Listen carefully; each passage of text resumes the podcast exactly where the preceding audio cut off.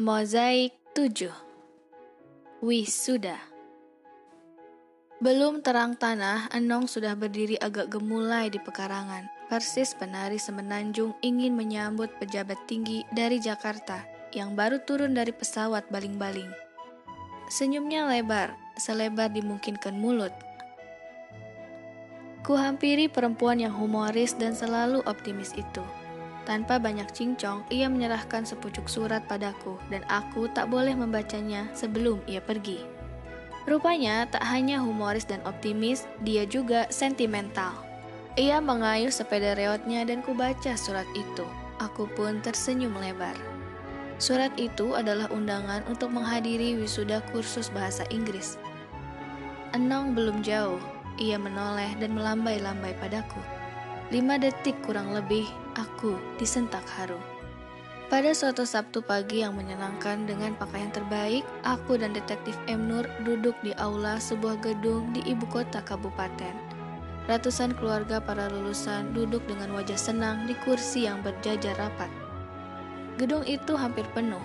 Di deretan para lulusan tampak seseorang yang menarik perhatian karena ia paling dewasa di antara berpuluh remaja di kiri kanannya. Aku tersentuh melihat jilbab baru yang dibelinya khusus untuk acara wisuda. Detektif M. Nur yang melankolis telah berkaca-kaca matanya sejak tadi. Ibu Indri, direktur kursus, naik podium dan berpidato. Pada akhir pidatonya, ia mengumumkan lima lulusan terbaik. Lulusan terbaik pertama adalah seorang wanita muda Tionghoa berkaca mata tebal yang tampak sangat cerdas. Hadirin bertepuk tangan untuknya. Terbaik kedua, seorang anak muda Melayu kelas 2 SMA. Lulusan ketiga dan keempat juga anak-anak kelas 3 SMA. Lulusan terbaik kelima, kata Bu Indri. Ia menunda menyebutkan namanya, mungkin karena sangat istimewa. Wajahnya tegang bercampur gembira. Mariamah binti Zamzami. Enong menutup mulutnya. Matanya terbelalak. Ia sangat terkejut mendengar namanya disebut Bu Indri.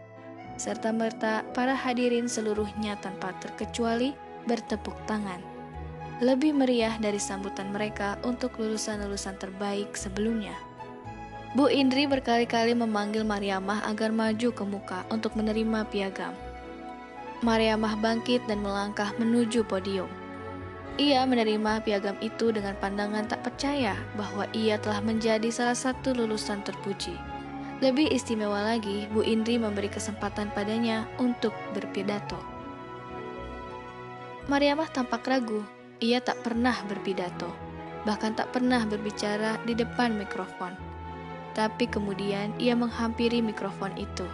Diam sebentar, lalu berkata, "Sacrifice, honesty." Freedom! Itu saja, lalu ia mundur. Seluruh hadirin serentak berdiri dan bertepuk tangan untuknya. Tepuk tangan yang sangat panjang, tak henti-henti. Mariamah menghapus air matanya dengan ujung jilbabnya.